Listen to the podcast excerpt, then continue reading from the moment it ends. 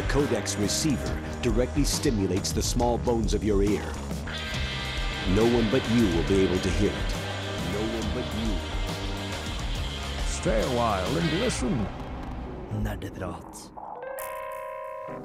Jepp, du hører på Nerdeprat, og hvis du eh, som Marvels Daredevil har superhørsel, eh, så har du kanskje no, allerede nå oppdaget at det er jeg, eh, Andreas, eh, som er programleder for eh, dagens sending.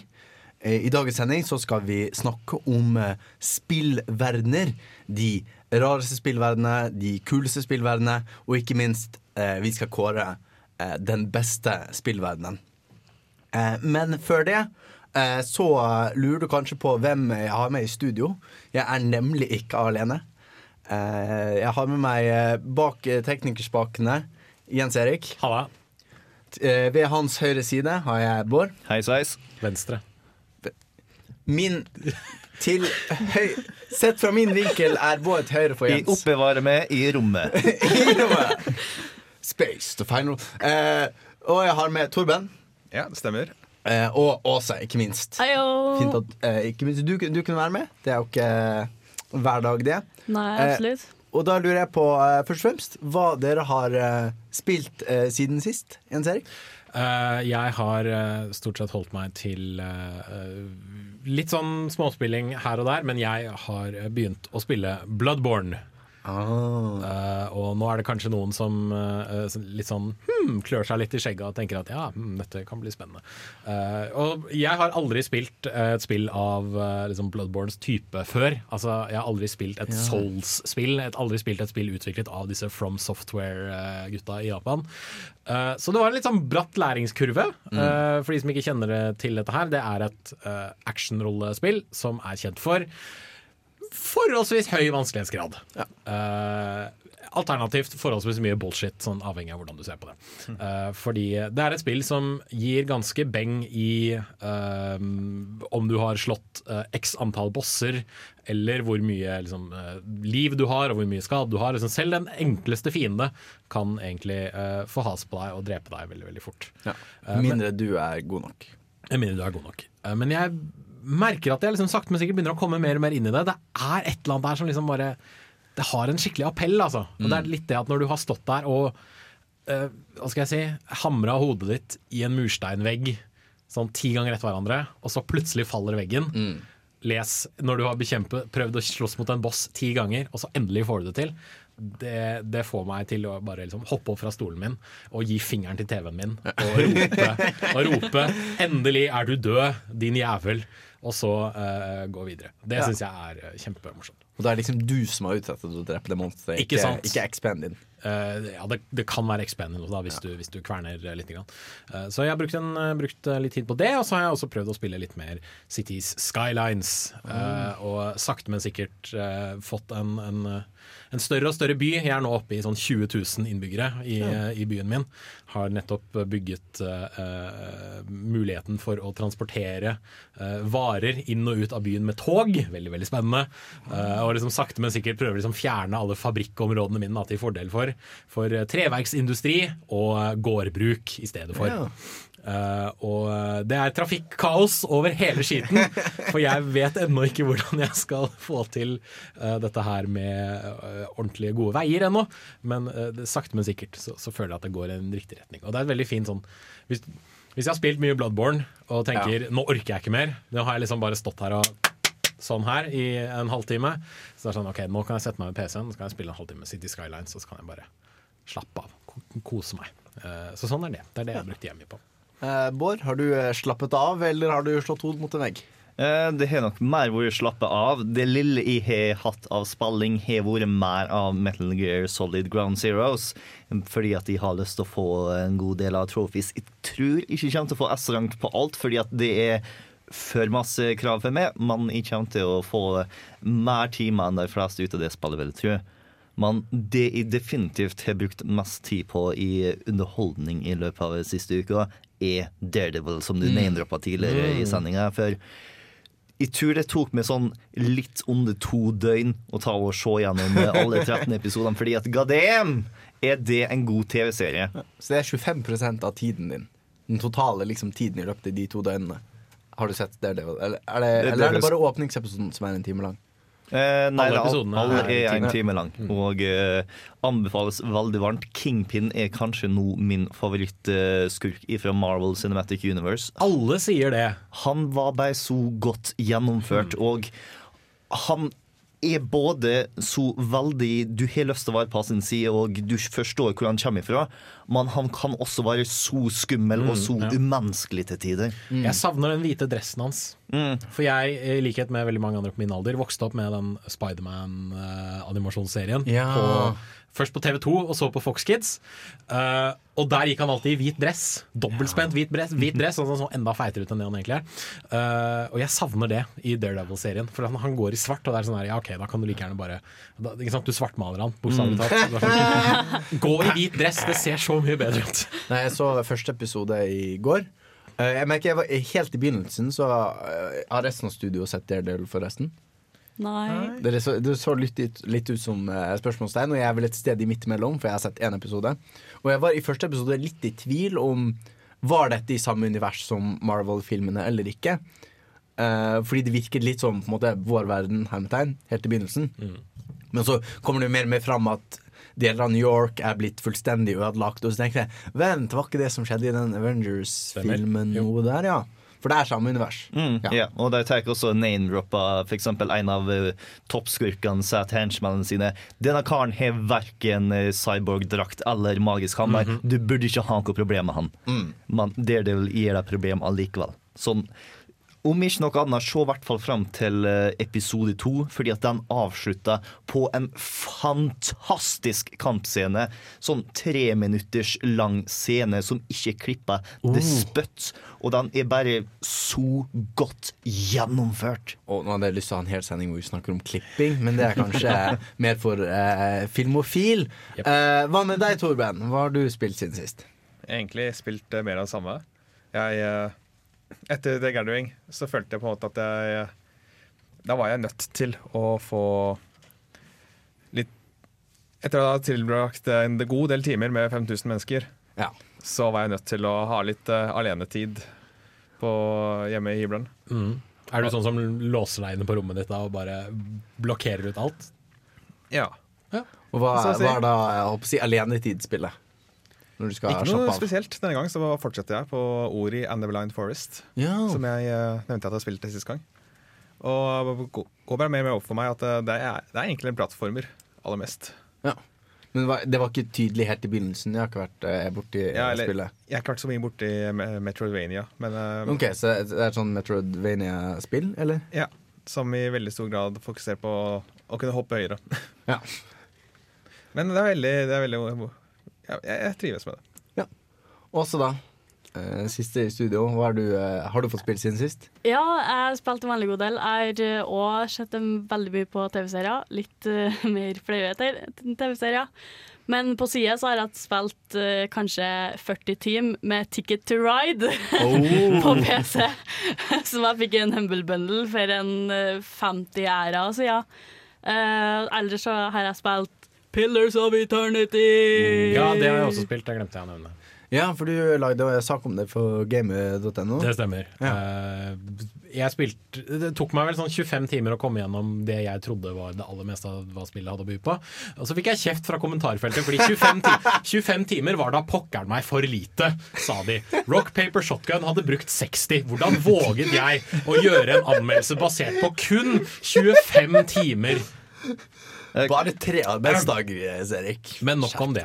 Hva er Pillars of Eternity? Ja, Åse skal få lov til å forklare. Vet du hva? Eh, jeg vet ikke om du kjenner til Boulders Gate. Sure, yeah. Ja, Det er veldig mye det samme det som DND. på en måte Det er veldig mye strategi. Yeah. Top du har down liksom- rollespill. Ja. Du styrer en haug med folk, og så får du nye folk. Folkene dør, og når de dør, så er de permanent døde. Som jeg brente meg litt på når jeg kom i en dungeon sånn ti timer inn i spillet. Det er et sånt slott, det første strongholdet du på en måte får. da Mm. Og jeg hadde ikke en paladin. Eller jeg hadde ikke en knight, da. Sånn, sånn frontline fighter. Så jeg døde jo. Ja. Og Var det, var det. TPK? Altså en total party kill? Eller, Ja. ja. Det, og det var et par ghosts, så det var litt sånn Det, noe, lignende, noe lignende skjedde med meg uh, nede i et uh, dungeon. Der møtte jeg en svær edderkopp uh, som jeg ikke var forberedt på å slåss mot. Eh, og så døde magikeren min, og så sto det bare 'Quest failed', bla, bla, bla. Så gikk jeg inn i uh, pausemenyen, og så trykket jeg 'load game', og så hoppet jeg fem minutter tilbake i tid, og så tenkte jeg ok, da går vi ikke den veien, da går vi en annen vei, så får vi et par levels, og så går vi tilbake. Jeg skal innrømme at som Dungeon Master, når jeg faktisk har spilt uh, Dungeons and Dragons, så hadde vi et konsept som vi kalte Den magiske tidsdragen. Ja. Hvis man virkelig hadde gjort noe dumt, uh, så kunne man liksom Og så, ja. Dere, dere gjorde ikke det. Dere, dere bare gjorde ikke det. Der, der var jeg. Jeg var litt streng Dungeon Master, da, mm. sånn til å begynne med. Uh, jeg har fått Jeg spiller Borderlands 2. Oh. Eh, DLC1, Assault on Dragon Keep. Apropos Dungeons and Dragons. Ja, apropos Dungeons Fordi eh, altså, det er en DLC til Borderlands 2 hvor Altså, det er eh, player-characterne fra Borderlands 1 rollespiller som player-characterne fra Borderlands 2 i en slags dungeon, altså Bunkers and Badasses-kampanje, eh, fortalt av Tiny Tina, hun lille sprengstoffglade jenten. Så det er eh, ganske vilt. Eh, veldig mye større enn jeg hadde trodd. Så jeg kommer nok til å ha noen sessions til sammen med Henrik fra Filmofil. Vi, vi spiller det sammen. Så har jeg også eh, Nå har jeg, jeg har fått en litt kraftigere PC enn jeg hadde før. Eh, så da tenkte jeg eh, For når vi snakket om spillverdener, så begynte jeg å tenke på Morrowind igjen. Og da prøvde jeg å installere Morrowind med en sånn graphics extender. Og tenkte liksom å, dette skal gå fint. Ja, ja, ja. ja, ja, ja kraftig datamaskin og greier. Eh, så fikk jeg 15 FPS, da. eh, Ut av. Eh, sånt skjer når du prøver å putte fancy grafikk på en sånn eldgammel spillmotor som ikke helt eh, klarer det. Så det er eh, Jeg har ikke fått spilt det da. Jeg, liksom, jeg så på det som en slags eh, lysbildeframvisning. Eh, med pianobilder av uh, Litt som å spille Myst. ja. Mm. Så kommer neste bilde. Ja. Uh, Så det er det jeg har fått spilt. Um, nå uh, skal vi gå videre til uh, spillnyheter. men aller først så skal du få litt uh, tungrock fra Er det Trondheimsbandet? Ja. Trondheimsbandet Bokassa. Dette er No Control.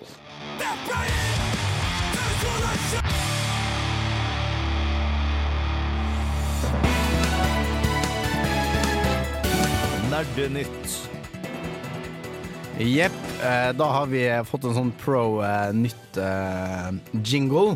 Og du, Jens Erik, er vår innegående reporter. Innegående, ja. Internettgående reporter. ja. Det er definitivt. Skal vi se. Nå må jeg bare posisjonere ting litt her. Fordi det er liksom ikke sånn kjempeenkelt å uh, Nei, for nå er du Knote. både tekniker og uh, Og laptopbruker. laptop-journalist. Eh, men jeg får det til, i hvert fall. Eh, det, har, det har skjedd en del i det siste. Det er mye sånn s- småtterier og litt sånn store storerier. Ja. Eh, men eh, vi kan jo begynne med noe som er både smått og stort. Fordi nyheten er stor, men eh, nyheten er liten, men spillet er stort. Uh, Grand Theft Auto 5 V, unnskyld, nå slo jeg mikrofonen. Ja. Kom ut, uh, eller kommer ut sånn cirka rundt nå. Uh, Til, eh, i går, faktisk, til datamaskiner. Uh, og alle hjerter gledet seg. Uh, det er på 56 gigabyte. Så hvis du er som meg og snylter nett fra huseier, som ikke bryr seg om kjapt internett, og ikke har DVD-stasjon, så er du litt fucked. Det har vist seg at PC-utgaven av Grand Theft Auto, hvis du kjøper den fysisk, kommer på hele syv. Sju, syv Ikke seks, ikke fem, men sju DVD-er. Um, og det vil eh, sikkert ta litt eh, tid å installere. Ja, DVD-er, fordi uh, Åh, se på deg Grand Theft Auto 5 på CD-er. ja, altså, alle andre uh, spill for tiden som kommer til konsoll, kommer jo på Blu-ray-plater. Ja. Bortsett fra de til, uh, til Xbox 360. Men PC-er har ikke fått Blu-ray-lesere ennå. Eh, så derfor uh, blir det DVD-er i stedet for. Så da får du en fin sånn herre uh, Ja, ikke sant. Vi som har spilt gamle PC-spill, husker jo sikkert det at vi kjøpte en boks, og så tok vi ut en sånn greie som ble pakka ut til en sånn lang remse med syv Jeg gjentar syv DVD-plater. Uh, sånn Men- er det i eh, GTA 5. Men til har jeg hørt at det er veldig bra optimalisert. Altså jeg hører Folk sier at det kjører mye bedre enn Grand Theft Auto 4, Ja, det har jeg hørt. for eksempel. Eh, og, Selv om grafikken eh, er en helt annen. Jeg har ikke spilt det. Jeg har egentlig ikke kjempestor interesse av å spille det. Men uh, tidlig sånn eh, buzz rundt alle sammen er at dette er en ypperlig utgave av ja. GTA 5. Eh, videre uh, fra et stort spill til et lite spill. En liten nyhet om et lite spill. Uh, Heartstone, eller Hearthstone, eller hvordan du enn vil kalle det, er det i hvert fall én person som spiller her. Det er vel deg også, tror jeg. Nei. Ikke det, nei. Ikke er det det noen som spiller. Hearthstone her i det hele tatt?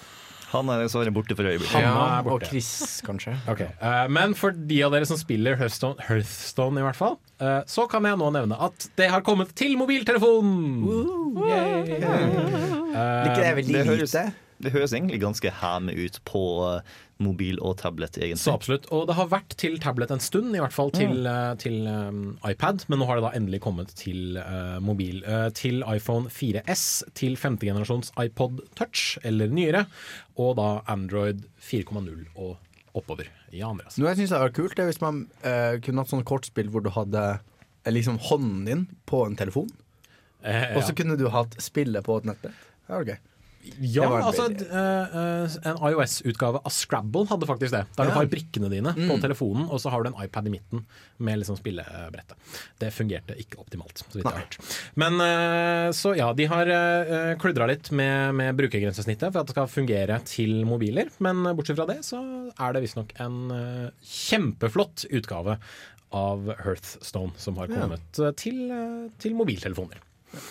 Skal vi ha en sånn beep, beep, beep, og så neste, neste nyhet, sånn mellom nyhetene. Vi burde Vi har ikke jingle på det, men jeg kan lage vi burde kanskje begynne å legge det inn, ja. Jeg har du en, eh, en, eh, flere nyheter til oss, Jens Erik? Ja da, jeg har flere nyheter, jeg. Um, ok, eh, Dette her vet jeg kommer sikkert til å få litt sånn reaksjoner fra noen, i hvert fall. Nemlig at YouTube-stjernen PewDiePie nå får sitt eget mobilspill. Mobilspill, faktisk. Ja, ikke bare et mobilspill, men et mobilplattformspill. Huh. Eh, det skal hete PewDiePie Legend of the Brofist. Nei! Jo, faktisk. Jeg, jeg Um, håper så inderlig han har litt sånn ironisk distanse. Jeg tror det. Jeg velger å tro det. Vet du hva, Jeg tror han syns dette er, er kjempetøft. Eh, men altså, grunnen til at det heter Legend of the Brofist, er jo fordi han på slutten av alle videoene gir liksom Brofist til kamera. Og han har jo masse fans, og fansen er selvfølgelig med på å bestemme innholdet i dette mobilspillet med emneknaggen eh, hva var det der? Bros make a game, eller noe sånt nå? Skal vi se, nå skal jeg se om jeg finner det. Jo, jo, Bros make a game, en emnetaggen på Twitter, har fans liksom sagt at ja, du må ha med dette, og du må ha med dette, og du må ha med dette. Så det fins en uh, spilldemo av det, eller det fins en demovideo av det på YouTube-kanalen hans, hvor han spiller dette mobilspillet. Hvor han, uh, han angripes av ondskapsfulle tønner, og det er ulver som jager på han, og det kommer en sånn Illuminati-pyramide og skyter laser på han. Det er helt klin kokos. Uh, og nøyaktig det jeg forventer av uh, PewDiePie-fansen. Hvis du som hører på er PewDiePie-fans, og du er nettopp litt eh, fornærmet av hva jeg har sagt, uh, så beklager jeg. Ja. ser ikke jeg bare en bitte gammel gubbe som ikke vet bedre. Eh, nettopp. Eh, og så er jeg sur fordi han er så mye yngre enn meg, og så mye rikere enn meg. Eh, mens jeg lever i en tolv kvadrats rom i en jævla sokkelleilighet i Trondheim. Ikke at det er noe galt med Trondheim, men det er noe galt med tolv kvadrats rom i en sokkelleilighet.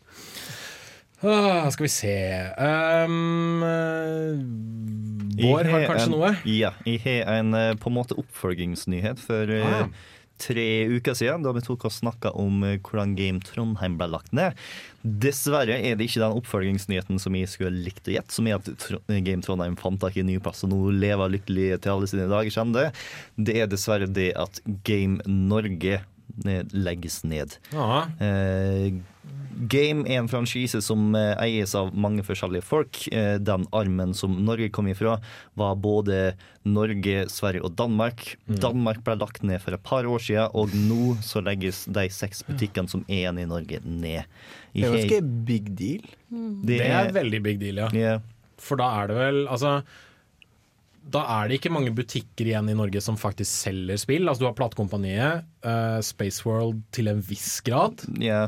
Eh, Elkjøp og Lefdal har noe. Elkjøp og Lefdal selvfølgelig, men det er veldig veldig lite. Yeah. Veldig det lite glemte. GameStop. Ja, Games, GameStop selvfølgelig, men altså liksom hvis disse kjedeelektronikkbutikkene innser at ja, men vi tjener mest på konsoller, vi tjener ikke så mye på spillene, og slutter å selge spill, så kan vi ende opp i en situasjon der GameStop har litt sånn spillsalgmonopol i Norge, og det er farlig. Ja. Altså, jeg vet ikke om jeg er redd for at Elkjøp skal slutte å selge spill. For det tror ikke jeg skjer, men det er jo et problem med på en måte eh, de butikkene som hadde kompetanse på spill.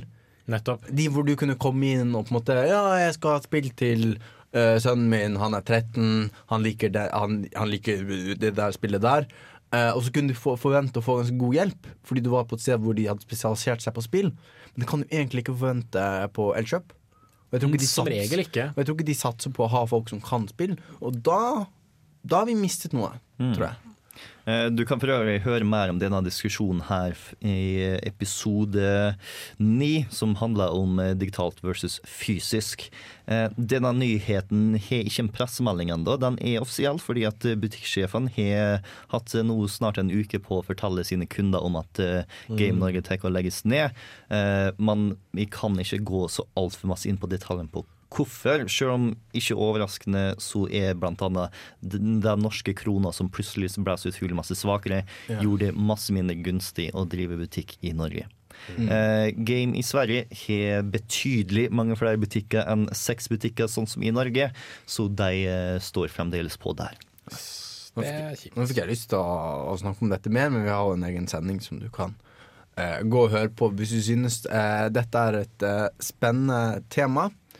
Eh, har du en, eh, en eh, siste liten smakebit, Jens Erik, før vi får høre en låt? Uh, ja, jeg kan jo Dette er veldig kjapt. Uh, jeg spiller City Skylines, det nevnte jeg i stad. Og Cities Skylines har nå solgt én million utgaver.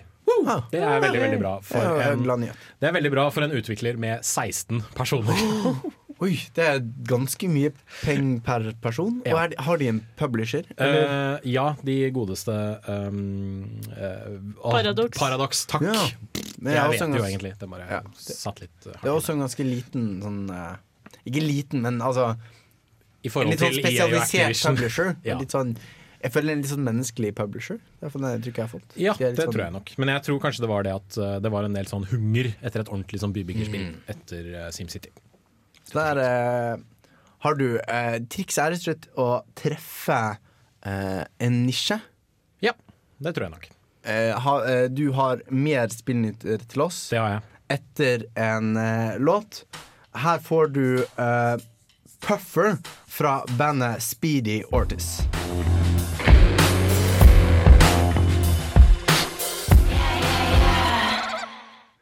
Jepp, det var Puffer av Speedy Ortiz. Og uh, nå skal du få enda mer spillnyheter. Fordi det har tydeligvis skjedd ganske mye i uh, spillverdenen. Det har det, Uh, og det er litt sånn uh, Igjen, noen store, noen små nyheter. Eh, jeg Noen kan, med sukker på. Er det Kanskje det. noen store og noen Nei, unnskyld. Fortsett. Uansett. Star Wars Battlefront, som jeg vet at jeg og Bård gleder oss litt til, i hvert fall. Det vil først være tilgjengelig på Xbox One. Eh, gitt at du abonnerer på eh, Electronic Arts sin EA Access-tjeneste. Hæ? Altså, altså Som gir Ja. Den går, kommer først til Xbox One. Det er Ja. liksom Det er liksom én fæl ting. Og så er det en fæl ting til, at du må abonnere på Ja, EA men, sin greie. men så vidt jeg har skjønt, så er det snakk om at du får det et par timer før alle andre. Det, er det, har ikke, det har ikke så mye å si, eh, men det er likevel litt rart sånn likevel. Bedre det enn uh, eksklusiv DLC som du får med deg. Ja. Ja, det er jo for så vidt sant. Uh, men det er litt det at uh, Xbox One er den som har eh, denne EA Access-greia, og PC-er. Eh, PlayStation 4 har det ikke. Så derfor, Men så ja, har det bare blitt sånn, eh, rett og slett. Det er en teit ting, men eh, det får så være. Eh, Mortal Kombat X, eller Mortal Kombat 10 som det også heter, har eh, kommet ut eh, denne uka i USA, i hvert fall. Til Norge tror jeg det kommer litt seinere. Og det som har vist seg nå, er at hvis du vil gjøre fatalities, altså disse uh, angrepene hvor du river motstanderen din i fillebiter etter en kamp Nettopp. Hvis du ikke får til alle disse knappetrykkene du må gjøre, så kan du kjøpe easy fatalities. Nei. Uh, jo. Eh, og det i, seg, det i seg selv syns ikke jeg er så feil. For å være helt Ja, altså, ærlig. det, det, det gjør ikke spill noe dårligere, men jeg Nei. føler det er liksom Ja, Fatality skal være en belønning. Men, Men, men, easy fatalities er noe du må bruke egne sånne eh, en, en egen sånn i spillet-myntenhet på. Så du kjøper 30 såkalte fatality tokens for 5 dollar. Og når du da har brukt opp disse 30, så må du skaffe deg nye. Det Og de kan du få tak i enten ved å spille spillet, eller ved å betale ytterligere 5 dollar. det der var groteskt, sjøl for Mortal Kombat. Og ikke bare det! Fordi uh, det er veldig mye i Mortal Kombat som du kan låse opp bare sånn ved å spille spillet og gjøre challenges og sånt noe. Men hvis du er villig til å punge ut jeg tror det er sånn 20-30 dollar, så bare får du alt. Jeg synes Det er teit når folk som lager spill, tenker sånn Ok, hva er det kuleste vi kan gi spillerne som har lyst til å betale ekstra? At de slipper å spille spillet. Det er liksom Den beste belønningen vi kan se for oss, er at du, du trenger ikke spille mer. Altså, jeg, jeg, jeg skjønner delvis at det er for de som ikke vil gjøre alt og være sånn supermestring og bare ikke sant? Sånne ting.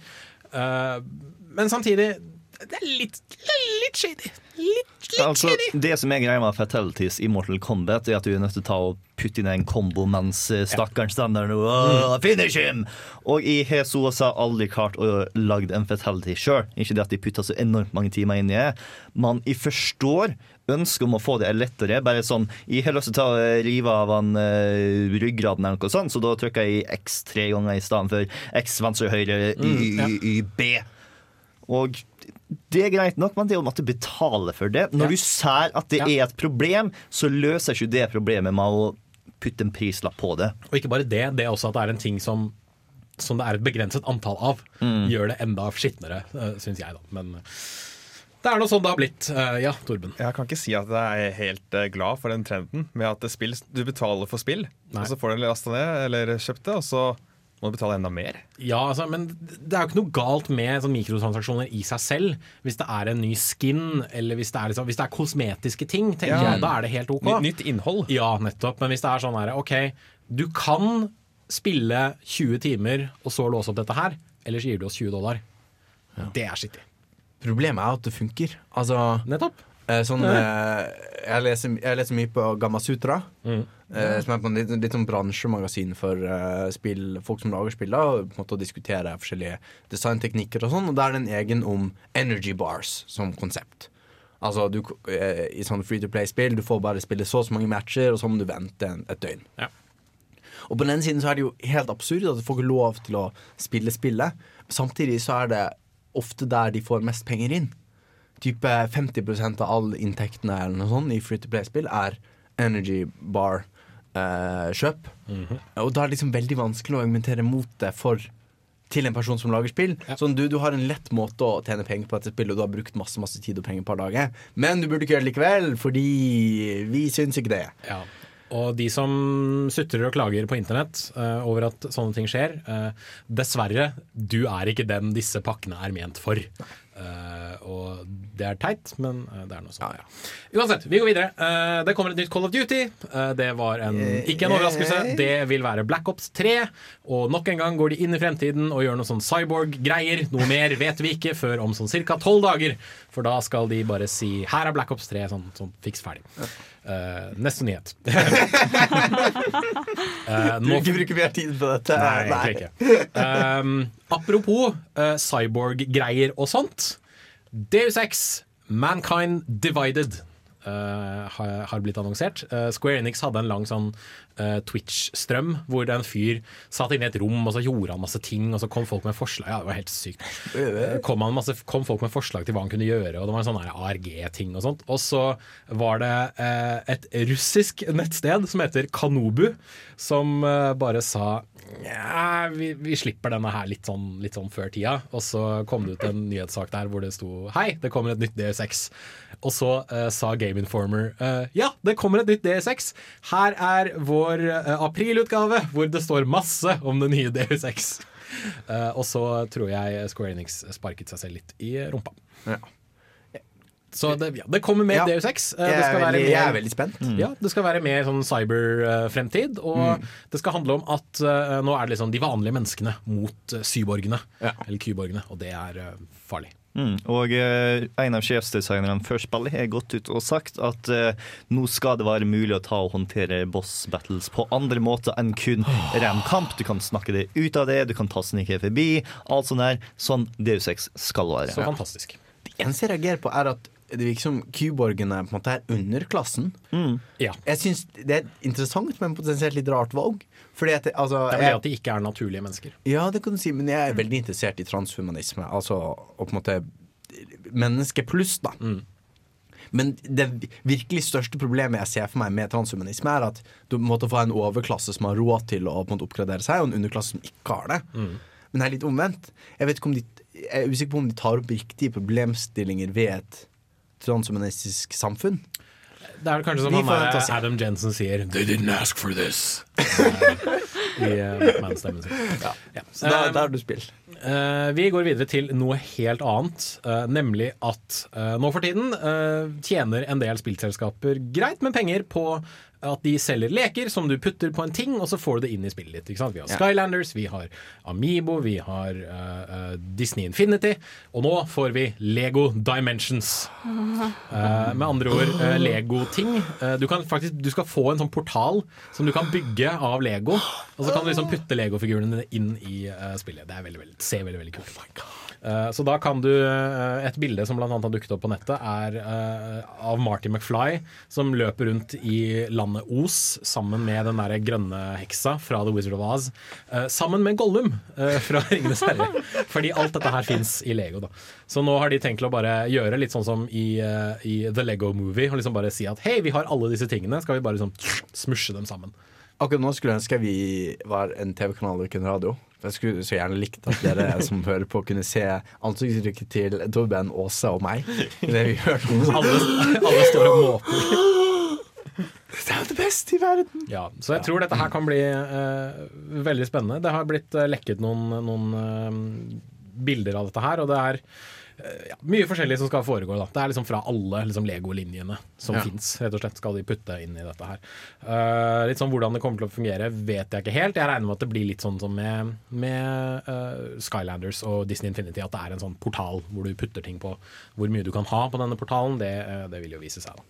Eh, så det blir kult. Nå eh, skal du eh, For Bård, du har spilt Vampire The Ma Bloodlines. Nei, Jeg har en nyhet. Å du har en siste Jeg har nyhet. en siste nyhet. Du får snike den inn, Jens Erik. Fordi For et par uker tilbake så viste det seg at det kommer Guitar Hero Nei, det Rock Band 4 Ja. fra uh, Harmonix-gjengen. Og uh, i går så hadde Activision sluppet en video på nett av, eh, eh, som var liksom førstepersonsperspektiv av en fyr som eh, ja, gikk opp på en Han var bak scenen på et eller annet sted, så hørte du liksom sånn masse folk som drev og messa etter eh, et eller annet. Ja, så ser du masse sånne rockete fyrer som går rundt. Og liksom, hva tenker man da? Jo, selvfølgelig nytt Guitar Hero. Eh, Så Guitar Hero kommer tilbake fordi Activision eh, sikkert så at eh, Hei, Harmonix bringer dette faenskapet tilbake. Ok, da må vi gjøre et eller annet. Det kommer jo til å skje igjen, at de bare sånn overmetter hele dritten. Og apropos TV, eh, vi skulle, dere skulle alle sett uttrykket til Åse nå. For hun er Jeg ler for musikkspill. Du gjør det? Helt, helt siden det begynte med liksom, at man kunne ta inn vokal og sånn. Da jeg sto der liksom med bassgitar og vokal. Det var så jævlig kul. Jeg gleder meg så sinnssykt til det. at Det er helt sykt. Det er jeg ikke hørt om i det hele tatt. Det som er Ikke Rock Band 4. Oh, ja. Ikke? Wow. Ingenting. Det som er spennende med dette her, er gitaren, for den er redesigna. Istedenfor uh, fem knapper, så er det nå seks knapper uh, satt liksom helt øverst på gitaren med en øvre og en nedre sånn rad. Så tolv knapper. Nei, eh, tre, seks knapper til sammen. Tre ganger to. Ja, tre ganger to. Ah. Så du har tre øvre knapper og tre nedre knapper, som er svarte og hvite. Og på denne liksom, Note Highway, som de kaller den, som kommer nedover, så står, peker det noe opp eller ned da, som viser hva du skal trykke på. Sånn at det faktisk virker som du tar liksom, grep da, istedenfor disse fem knappene som, som uh, du har i Rock Band. Så dette her kan bli veldig spennende. Og noe som også er uh, veldig kult og veldig teit, er at uh, hele spillet skal foregå i førstepersonsperspektiv. Oh Jo, my god! med, med såkalt full motion video, altså FMV. Um, det innebærer at når du spiller, så uh, er du en Altså, du er liksom en person. Det ser ut som de har stroppet et GoPro-kamera til en gitarist på en rockekonsert. Og hvis du, jo bedre eller dårligere du spiller, så reagerer bandet og publikum på hva du gjør. Så hvis du spiller skikkelig dårlig, så står liksom bare publikum og ser på deg og er liksom ikke med. Spiller du kjempebra, står liksom og hopper opp og ned og digger til musikken. Uh, sammen med bandet. Hvis du spiller dårlig, så ser de skikkelig stygt på deg og er sure på deg fordi du spiller ræva. Spiller du bra, så er de sånn Yeah, nå rocker vi! Fett! Ikke sant? Uh, alt er liksom med, med liveopptak, med, liksom med faktiske uh, folk. Så dette her kan bli veldig, veldig teit. Ja, hørtes spennende ut. Jeg gleder meg. Jeg, å, jeg gleder meg. Det første som eh, jeg tenkte på når de sier eh, eh, Hva heter det? FMV. Ja. Ja. Eller eh, blir det Oculus Rift support? Det vil vise seg. Det hadde vært noe. Um, men uh, morsomt blir det uansett å se liksom, disse to spillseriene gå opp mot hverandre. de- Så de, De gjør noe nytt, da. det gjør de. Uh, og dette her skal uh, komme i løpet av året. Jeg har et spørsmål til alle guder som kanskje eksisterer i verden. Når kommer Singstar Det til PC? Å ja. Nei, det, Hva, til PC. hva vil du med Singstar når du har rockband? Eh, også, jeg beklager å måtte si det, men Singstar vil alltid komme til en PlayStation-konsoll. Det er eid av PlayStation. Ja. Nå må vi gå Nå tror jeg Nå, nå tror jeg vi Nå må jeg trøste Åse, men først eh, Bård, du har spilt Vampire Bloodlines Nei. kolon- Vampire the Masquerade Bloodlines. Okay. Vampire Ja. kolon the Masquerade bindestrek Bloodlines. Ja, okay, Yep. ja. Mm. Tegnsetningen er vanskelig. Men det har du spilt. Det er spilt fordi at dagens tema er spillverdener. Så derfor så fant de tak i en gammel perle som har en ganske awesome spillverden, som absolutt er verdt å sjekke ut. Så det, den eh, anmeldelsen får du etter eh, en eh, låt eh, av Death Grips. Dette er låten On GP.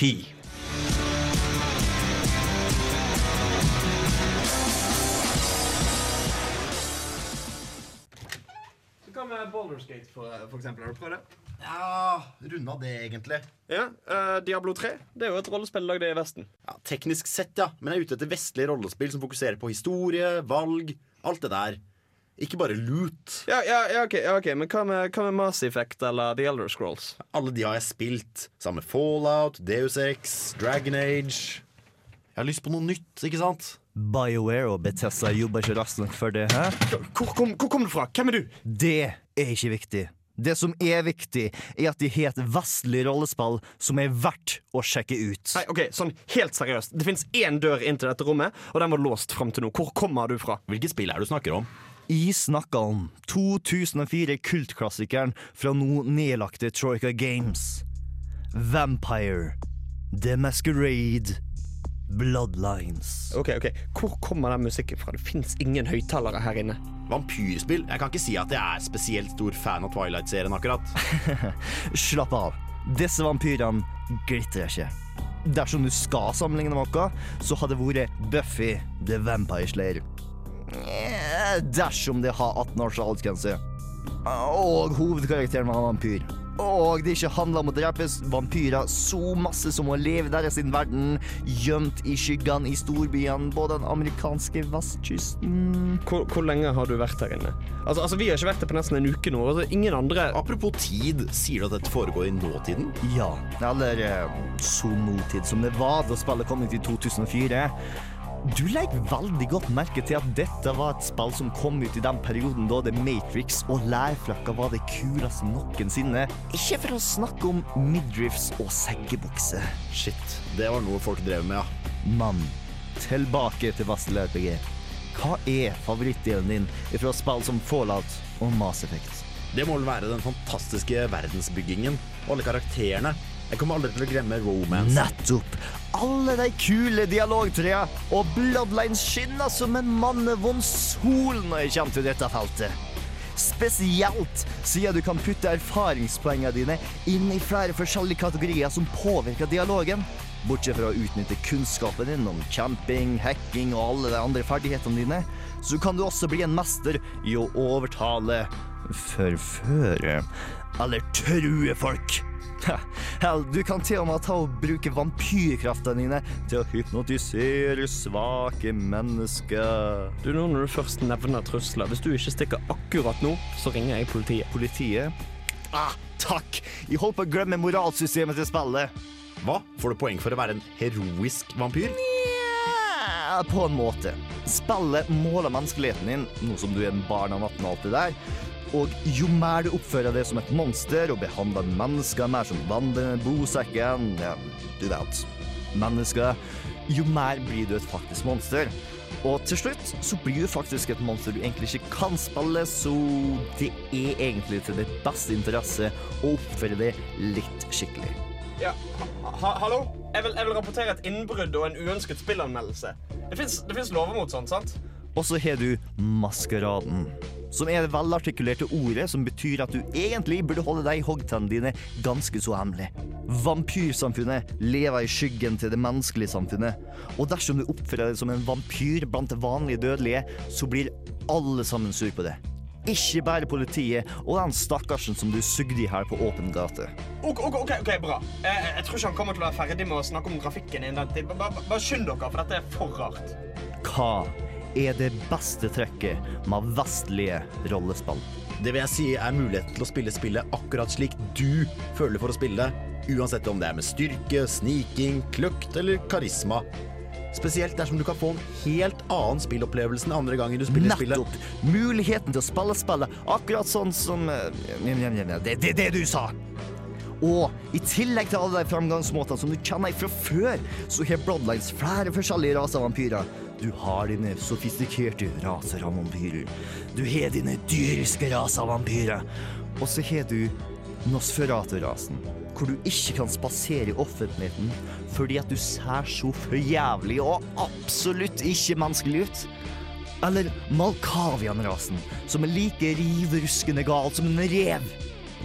Alle dialogvalgene dine har innsikt som du egentlig ikke burde ha. Mann som er begravd i metaforer og galskap. Mens det som er morsomme spillopplevelser, så burde du kanskje vente med å spille dem til andre gjennomgang. Venting er for øvrig noe du ikke burde gjøre. Greit nok. Bare, bare forstå dette. Jeg prøver ikke å si at dette er et feilfritt spill. Det var et bug-spill allerede da det kom ut i 2004.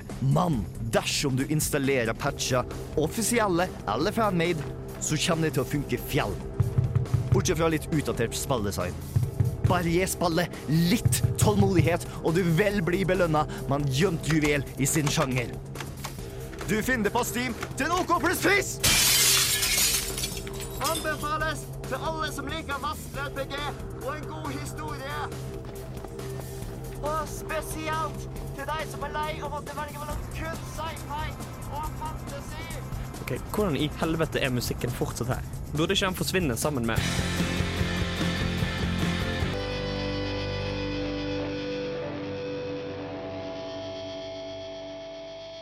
Mitt navn er Bare Egil. Du hører på radio Revolt på internettmaskinen din. Radida til bardaga. Ja! Ra ra radida. Ja! til bardaga. Nerdeprat på Radio Revolt! Ja! Ja, altså der fikk du dobbelt opp i tilfelle du var i tvil om hvilken radiokanal det var du hørte på. Det er altså Radio Revolt. Uh, ja. Uh, men vi hørte en spennende anmeldelse av uh, Vent litt. Nei. Vampire. Vampire, kolon, The Masquerade, bindestrek, Bloodlines. Eller yes. tankestrek, er det kanskje. Tank, ja, det er tankestrek. Sitatstrek, kanskje. Sitat. Er det en ting? Sitatstrek, ja. Oh, ja. Det har en litt uh, annen lengde enn en bindestrek. Fordi du har, du har bindestrek, og så har du N-strek, og så har du M-strek. Jo, jo, jo. Og liksom N-strek, altså novemberstrek, er litt kortere enn en Mike-strek. Ja, fordi M-en er litt lengre enn en M. En, en, ja. Men Ja. Uh, sånn, altså, der ser de her litt språknerd, så da tenker jeg dette spillet kan være for meg. Mm. Masse, lese masse, masse tekst. Ja, ja, det, det, er ikke bare lesing fordi at det er voice-ekte. Oh. Og det er ganske godt voice-ekte også, skal jeg si. Vel, til tider ganske godt.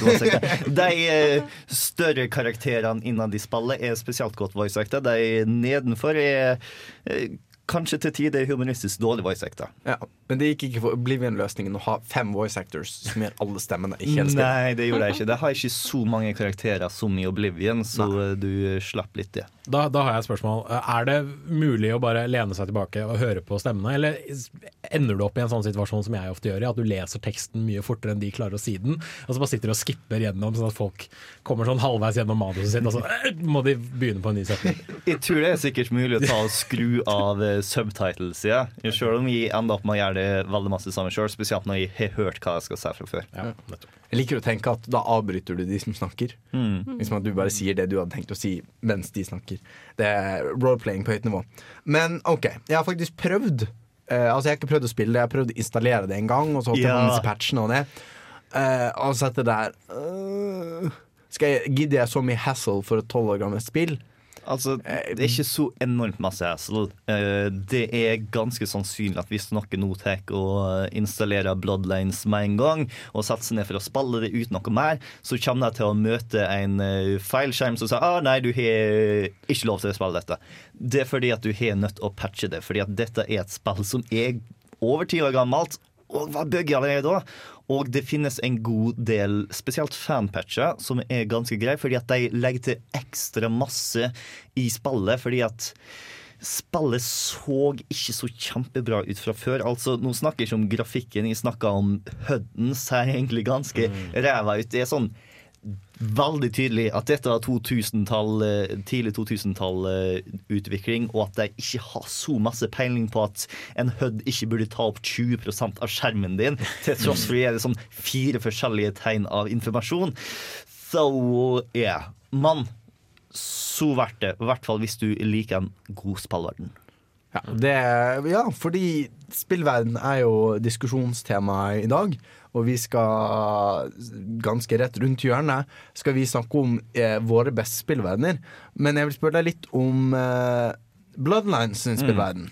Eh, Bloodlines, eller Vampire of the Masquerade sin spillverden, er en del av det som heter World of Darkness. Eh, som er et eh, pen and paper-rollespillverden som har forskjellige innfallsvinkler. Du har Vampire the Masquerade-innfallsvinkelen, hvor du eh, er en vampyr i nådagen, i storby eller hvor enn du velger. Du kan ta og lage pen and paper av det i Trondheim dersom du ønsker det.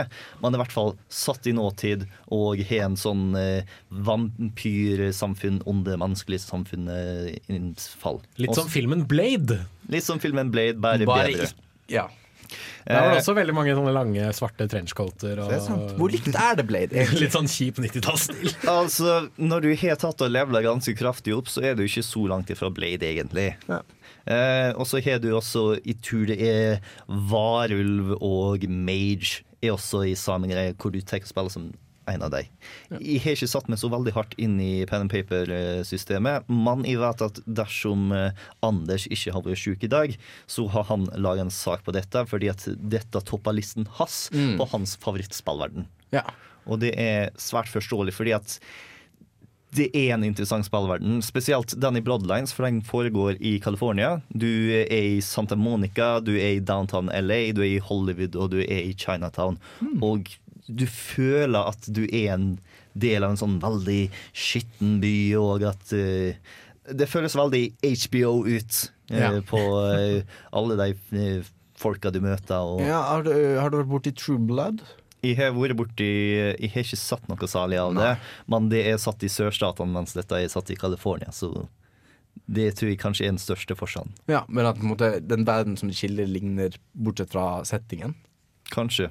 Jeg vet ikke hvor eh, eh, hemmelig uh, vampyrverden er i True Blood. Den er faktisk veldig veldig eh, åpen, stort sett. Ja. Eh, men uh, det jeg skulle spørre om er Kan man gjøre sånn som jeg ofte gjør i veldig mange rollespill? At man eh, gjør ting helt feil, og så kommer man til et tidspunkt hvor alt bare er skikkelig jævlig og dritt og vanskelig, og så gidder man ikke spille mer. Det er fullt mulig, i hvert fall hvis du tar og putter Yes! alle eh, poengene dine inn i bartering okay. og ikke kan slå for en skit, men hei, du kan få en god pris! Eh, men selvfølgelig, du har alltid de som er på internettet og har funnet ut hva det er smartest å putte poengene dine i, spesielt når du har en viss form for spillstil. Så bare ta og bruk fem-ti minutter på å finne tak i den guiden du trenger. For det skjedde med meg i eh, Pillars of Eternity, blant annet. Jeg kom til siste boss. Og så innså jeg det at eh, hei, her dør jeg i løpet av 30 sekunder. Fordi du har bygga dårlig? Kanskje jeg har bygget litt dårlig. Ja, og det er det Ikke for å deraile helt, men Pills of Eternity Det er også sånn du kan ikke liksom respecke enkelt. eller? Ikke som jeg har oppdaget, nei. Det, Mm. det syns jeg er litt uheldig, når du liksom Å ja, du hadde ingen måte å vite etterpå, men nå skal jeg straffe deg for alt det du ikke kunne likevel. Mm. Men kanskje burde man lese seg opp på en guide før man spiller eh, Vampires? Jeg, jeg gjorde det, og eh, jeg har endt opp med å ikke ha noe problem da jeg spilte. Men det er et spill som minner meg veldig masse om uh, Elder Scrolls og DU6 i den formen av at uh, har du lyst til å være den sniketypen, så er du den den sniketypen. Har du lyst til å være han som tar og slår etter alt, så slår du etter alt alt. Og hvis du har lyst til å snakke det ut av alt, vel, da har du fleste muligheter til å gjøre det. Kan du gjøre det med bossene også? Eh, ikke absolutt alle sammen. Det er noen du har nødt til å ta og slåss mot fordi at de rett og slett er monster. Men eh, det er flere ganger jeg har bare sagt bare snakka meg ut av situasjoner fordi at jeg har dialogmuligheten til det. Så du kan gjøre en sånn delvis Doctor Who-run. Ja, eh, sjøl om jeg vet ikke En vampyr Dr. Who har egentlig vært svært interessant. Fordi det er, det er folk som har gjort Han er eh, Han lever veldig, veldig lenge. Ja, ikke sant? Nei, men Det er folk som har gjort noe lignende med eh, Fallout New Vegas. Blant Ja. annet. Der er det liksom satt opp sånn Ok, her er ting du må Du må liksom putte så og så mange poeng inn i alt dette her, og så kan du egentlig bare gjøre deg en Doctor Who, og så kan du snakke deg ut av stort sett alle situasjoner og pirke opp så mange låser du bare vil. Mm. Uh, og jeg har lyst til å prøve det en gang. Ja, fordi du har den Ja, ikke så sant? Mm. Men fra eh, World of Darkness eh, til eh, eh, vår eh, topp seks beste spillverden. Uh, altså lurer du på hvorfor topp seks eh, Andreas tenker bare på skitne ting. Eh, jo, um, fordi sånn som vi Når vi satte oss ned og lagde dette her, så tok alle, og, alle i programmet og rangerte eh, sine fra eh, ti beste. Og så ga vi da ti poeng til den som var på førsteplass, ni poeng til den som var på andreplass osv. Summerte det opp, og så lagde vi da en samlet liste for hele programmet. Da fikk vi en topp ti, eh, og så skulle på en måte folk lage saker. Og det vi så, var at eh, vi er ikke ti personer, så da ble det ikke tid til å lage ti saker. Og da var tanken at det er egentlig greit, fordi da får man en kombinasjon av de spillene som alle er enige om at er bra. Sant? Alle ga eh, ganske mange poeng til det spilluniverset til det spilluniverset. Men det er også de som det er noen som brenner for. Mm. Som brenner nok for å kunne lage en eh, sak hvor eh, vi presenterer eh, spillene på listen vår. Eh, litt hvordan det foregår og sånn. Um, Og en ting som også skjedde, Ja. var jo at eh, plass nummer ti til fire, plass nummer tolv til fire, nei seks mener jeg, eh, altså de fire nederste, var jo ganske like. Sånn Ja. strengt tatt. Ja. Eh, sånn i poengsummessig, så derfor eh, bare Ja, altså det, er, det er liksom Altså Denne listen er en kombinasjon av de som alle likte ganske mye, og noen som på en måte var noen som kjempet for. Sånn blir det ofte på spillelistene eh, våre. Jeg husker eh, topp ti eh, undervurderte spill forrige generasjon. Der var det Mm. noen som måtte vi alle var enige om dette er spillet som alle burde spilt, og så er det noen som en av oss hadde spilt, og liksom virkelig ja, Jeg husker når jeg snakket om Zeno Clash, og var helt sånn Det er det beste spillet i verden, og så er det ingen som har spilt det. Uh, sånn blir det litt her. Uh, vi skal få noen eh, saker, men først uh, så vil jeg spørre dere litt um, hvordan dere gikk fram for å finne deres topp ti. Ja. Fordi jeg satt der bare øh. Og så gikk jeg gjennom alle Jeg gikk gjennom Steam-katalogen min. Det må jeg ofte gjøre i sånne situasjoner. Og bare Hvilke spill har jeg faktisk spilt? Fordi jeg kommer ikke på noen. Jeg kommer, ja. uh, så det var min metode. Så skrev jeg inn alle, og så satte jeg de i en eller annen rekkefølge. Men det er veldig vanskelig å si hvilken som er best. Jeg skulle ønske jeg kunne gjøre det samme. For mye spillbiblioteket mitt eh, ligger på loftet hos foreldrene mine. Du får, gjøre som, du får gjøre som jeg gjør, og ha en løpende liste i et Google-dokument. Over alle spill du har spilt? Ja. Eller altså av alle spillene jeg eier. Jeg prøver i hvert fall å opprettholde den. den. Den har falt litt eh, fra sånn i det siste, men både digitalt og fysisk prøver jeg liksom å putte alle spillene mine der. Fordi jeg har opplevd litt for mange ganger at jeg står i spillbutikken med noe i hånda og tenker hmm, har jeg egentlig dette her? Eller har jeg det ikke? Er det sånn at jeg har hatt lyst på det så lenge at jeg nå innbiller meg at jeg har det? Hvordan er det egentlig? Og så? Da er det veldig kjekt å bare ta frem telefonen, Google Drive, og bare OK. Nei, dette har jeg ikke. Greit, da kan vi kjøpe det. Ja. Ha, så der, der fikk du et eh, tips. Velkommen eh, til min hverdag. hverdag. Jo, jeg, jeg skal prøve å opprette Google-dokument på det. Men uh, ja, måten jeg gjorde det på, var bare å skrive ned alle verdenene jeg kom på. Og så bare prøve å si OK, er disse to, hvilken av dem er best? Den ene, A, verden A er best, ja, da tar jeg den over av verden B. Mm. Bare gikk sånn. Jeg tror jeg var eh, en slags bubble sort, holdt Ja. jeg på å si, for å bruke et veldig forklarende begrep eh, for alle som har, eh, har hatt eh, algoritmer og datastrukturer. Mm. Um, mens jeg, jeg, jeg gikk litt sånn eh, Andreplass, øh, syvendeplass. Det var kanskje ikke den beste taktikken. Eh, hva med dere andre? Hvordan eh, rangerte du? Jeg jeg gjorde litt min sånn typiske Kalle det liksom Jeg velger å kalle det at jeg var litt fanevoldsk. For jeg så mange av forslagene, fordi vi, har, vi hadde liksom en løpende eh, liste med forslag. Og så stort sett tenkte jeg dette var kjedelig, dette var kjedelig, dette var kjedelig. Jeg synes det var veldig mange sånn standardvalg. Så prøvde jeg å gå vekk fra standardvalgene, sånn som jeg ofte gjør da. Eh, Så da endte jeg opp med å liksom foreslå Nei, Mortal Kombat-universet, det er gøy. Saints Row, det er gøy. Eh, eh, og liksom grei blanding av noe som var litt sånn uortodoks, og noe som var litt vanlig. Mm. Uh, uh, Pokémon hadde jeg på lista mi, fordi Pokémon er alltid kult, og jeg likte likt Pokémon siden jeg var barn. Ikke sant? Metroid-universet, uh, Evilise fra, fra Final Fantasy Tactics, Final Fantasy 12 osv. Uh, Wayard fra Golden Sun. Elite Beat Agents-universet havna på topp, fordi det er noe veldig kult med et spillunivers der en, en hvit blodcelle, to bortskjemte blonde jenter på en øde øy, en en basketballstjerne, en mor eh, og veldig mange andre mennesker. Alle trenger hjelp fra tre menn i sorte dresser som synger og danser til popmusikk. For å motivere dem. Dette hørtes veldig spennende ut. Ja. Eh, men dessverre ikke vår førsteplass Nei, i år. Eh, men nå er dere sikkert eh, store spørsmålstegn eh, der hjemme. Så med mindre noen har en eh, mørk hemmelighet de vil avsløre om hvordan de eh, fant fram til sine topp ti, eh, så har jeg lyst til å bare kjøre på. Jeg. Jeg, vil lure på, jeg lurer vel litt på hvorfor Åse hadde The Sims som side nummer to. Jeg vet ikke. Nei, fordi måten jeg gikk frem på Jeg tok de spillene For jeg er ikke sånn som spiller veldig mye spill. Jeg holder meg eller jeg Ja, da er det jo riktig jeg- program. Nei, men jeg, når jeg først blir Når jeg først liker en, et spill eller en spillserie, så blir jeg veldig dedikert til det. Jeg setter meg Ja, veldig okay. inn i det. Jeg synker kjempemange timer inn i det. Du spiller mye sånn- av et spill istedenfor å spille noe nytt hele tiden. Ja. Så da var det sånn, jeg tok, jeg tok The Sims fordi jeg syns det er veldig interessant at man gjorde noe jeg Vi snakka om det på Lucas her for ikke så lenge siden, at Sims er veldig universalt ved å være veldig konsentrert. Det er liksom en litt sånn 1950-talls u- americana-stil på det, som alle Mm. gjenkjenner med en gang. Ja. Så jeg syns det er et godt konstruert univers. Hmm. Eh, og så tok jeg bare fordi jeg skulle være litt spesiell, da. Ja. så det blir veldig kjedelig. Ja. Elder Scrolls, Mass Effect, Dragon Age. Ja, jeg hadde veldig lyst til å skrive opp eh, verdenen fra bl.a. Crusader Kings 2, uh, Age of Empires altså vår, Men det er jo bare vår ja, vår verden. Ja, det er litt spesielt på førsteplass. Eh, men det gjorde jeg ikke. Uh, det hadde vært et spennende mm, forslag. Men da eh, er det faktisk eh, den jeg har laget, som er eh, Nummer seks. Nummer seks. Eh, take it away. Nummer seks. Half-Life og Portal. Good morning, and welcome to the Black Mesa Transit System. This automated train is provided for the security and convenience of the Black Mesa Research Facility personnel.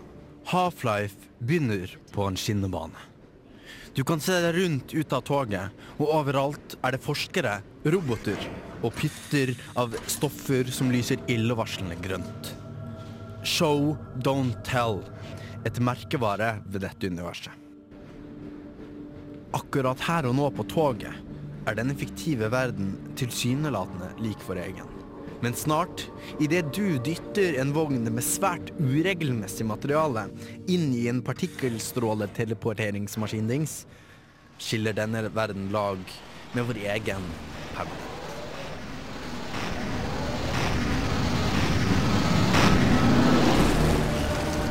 Romvesen tyter ut av en spjære i virkelighetens denimbukse, og de starter sin systematiske slakt av ansatte. Selvfølgelig så er det du som må redde dagen. Utover i spillserien får vi storslagen motstandskamp i Half-Life 2, og en langt mer intim historie om tevlingen mellom to kvinner i Portal. Fordi Half-Life ikke er et veldokumentert univers, kan spillskaperne legge til de historiene de vil fortelle, og de kan legge til det som vil gi de gode spillopplevelsene, uten at det krasjer. Med den ene tingen kapteinen sa i denne novellen. Når spillskaperne vil legge til en ny fiende, så gjør de sånn her. The antlions hva- Ah, skjønner. Ikke gå på sanden.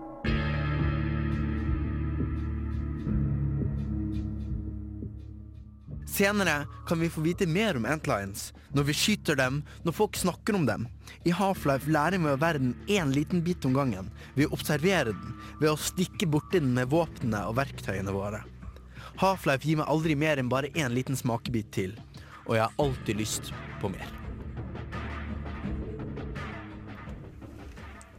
Jepp, det var jeg som eh, snakket om eh, Half-Life og Portal sitt eh, univers.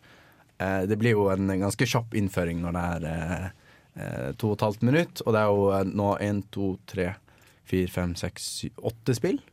Her er det så mange? Altså, du har Half-Life 1, Ja. så har du Opposing Force og Blue Shift. Ja, fader, det er sant. Uh, Gearbox sine Expansions. Uh, expansions. Mm, Yep. Uh, de er liksom official da. Så har du Half-Life 2. eh, så har du Half-Life 2 Episode 1, og så har du Half-Life 2 Episode 2, og så har du Portal 1 og 2. Jesus. Så det er ganske altså, Ja, det er, en- det er ting Half-Life er 8 bekreftet, nei. Ni? Ja. Kanskje du gjør som eh, Windows, og så blir det bare Half-Life 10. Ja, kanskje. Oppe rett fra 8 til eh, 10. Nei, men eh, altså, nå har jeg prata i eh, tre minutter, så nå vil jeg ha eh, spørsmål og utfordringer fra dere i studio.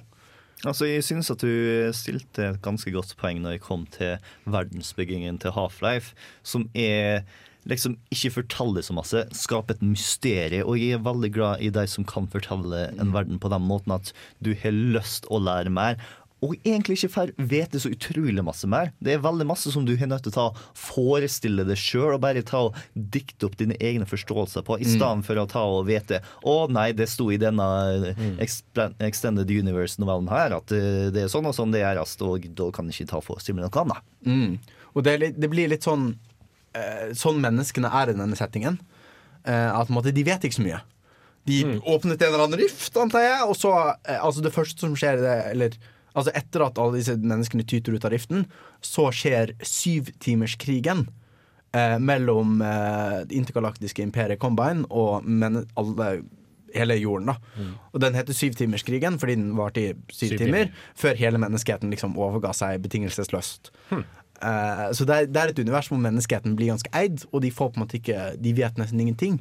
Så du som spiller og måte, menneskeheten er litt på samme sted. Det er liksom hmm, Ja. det, det er noen romvesen som prøver å spise oss. Men da vil jeg også påstå at du som spiller og hovedpersonen er på samme sted. Ja. Både i Half-Life og i, uh, i eh, Portal-spillene. Ja. Fordi du våkner jo bare og vet ikke helt hva som har skjedd, og så er det opp til deg å finne ut av hva som har foregått.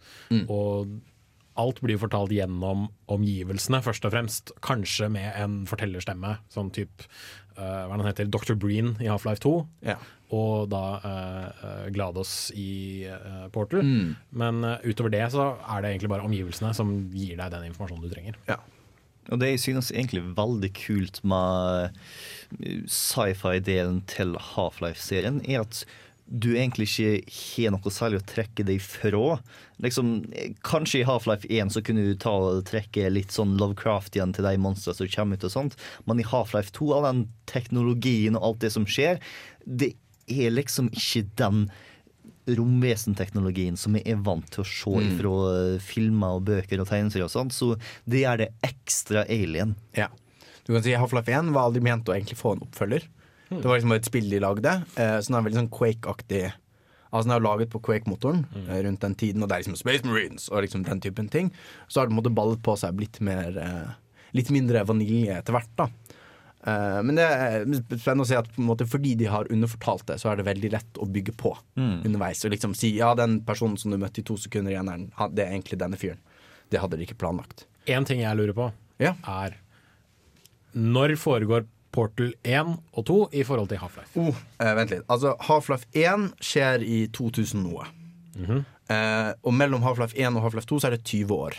Okay. Eh, Portal 1 er etter Half-Life 1. Ok, Så da etter denne krigen? Ja. Fordi Aperture Science er liksom dypt nedi der. Ja, det er jo sant. Og det kan Eh, hende at de har sluppet unna Mm, og i Ja, ja. slutten av Portal 1 så sier eh, GLaDOS eh, et eller annet sånn eh, I was the one who kept them away, eller noe sånt. Huh, okay. så, så det er implisert at hun, er på måte, hun har på en måte skjult eh, Aperture Science fra The Combine. da Og så har det vært planer om å veve disse sammen, Mm. men det har på en måte ikke skjedd helt ennå. da Ja, Men for får vi se. det er jo et skip i Portal 2 som er borte, som dukker opp i Half-Life 2 episode 2, tror jeg. De, de, det er implisert. Ja, noe sånt. Så det er liksom en eller annen event der foran som Mm, blir litt sånn Marvel Crisis Infinite Earths-ting, hvor alt skal møtes. Det er vel DC, forresten. Crisis Eh, on Infinite Earths er DC, ja. ja. Men eh, de skal møtes på et eller annet tidspunkt, men det har ikke skjedd ennå. Vi får se hva som skjer. Det tallet som for øvrig ble kasta ut før Portal 2 i forhold til Portal 1, var 500 år etter. Så Ja. det det Ja, var fordi du har sovet i 9-9-9-9-9-9-9-9 og så bare Ja. ja. Selv om det kan også være Wesley som snakka litt ut av ræva si, som Ja. Wesley gjerne gjør. Ja, Det får vi se. For nå er jo på slu i slutten Spoilers. I slutten av Portal 2 så Kommer slipper ut. hovedkarakteren ut. Vi får se hva som skjer i en eventuell Portal 3, Half-Life 3. Valve klarer bare ikke å lage tre. De, de kommer bare til to. Nei, folk påstår det. Eh, da eh, skal du få en eh, låt eh, fra eh, Portal 2. Eh, dette er 'Science Is Fun' av Mike Moraski.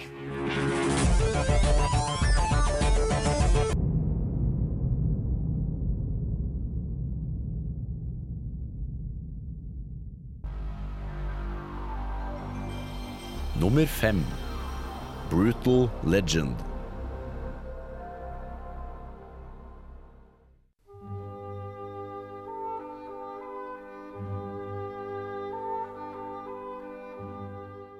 Det er mye som må falle på plass for at et spillunivers skal være godt.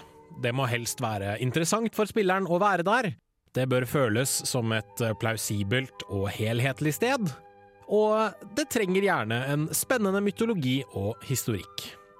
Men de aller, aller beste spillverdenene har en gjennomført stil. Stil. Smak litt på det ordet. Stil med stor S. Alt dette gjelder definitivt for spilluniverset til Brutal Legend.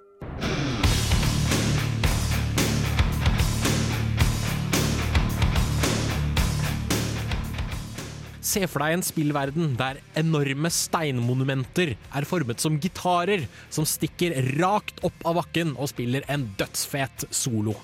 Se for deg en spillverden der klipper er laget av digre forsterkere, der headbanging bokstavelig talt kan knuse stein. Slik er det heavy metal-inspirerte landet i Brutal Legend, der musikkens kraft kan gjøre det meste, og en roadie kan redde verden. It's time to sound the battle cry. Not sure, but I like how that sounds. Starring Jack Black as Eddie Er det ikke egentlig litt teit, spør du kanskje? Jo, for så vidt. Men det er en så gjennomført audiovisuell stil som gjør det kult og harry på samme tid. Sjarmfaktoren holder i massevis når det gjelder Tim Shafers eh, samtidsstrategi møter hack and slash, møter alt fra 80-tallets heavy metal-ikonografi. Derfor elsker vi det.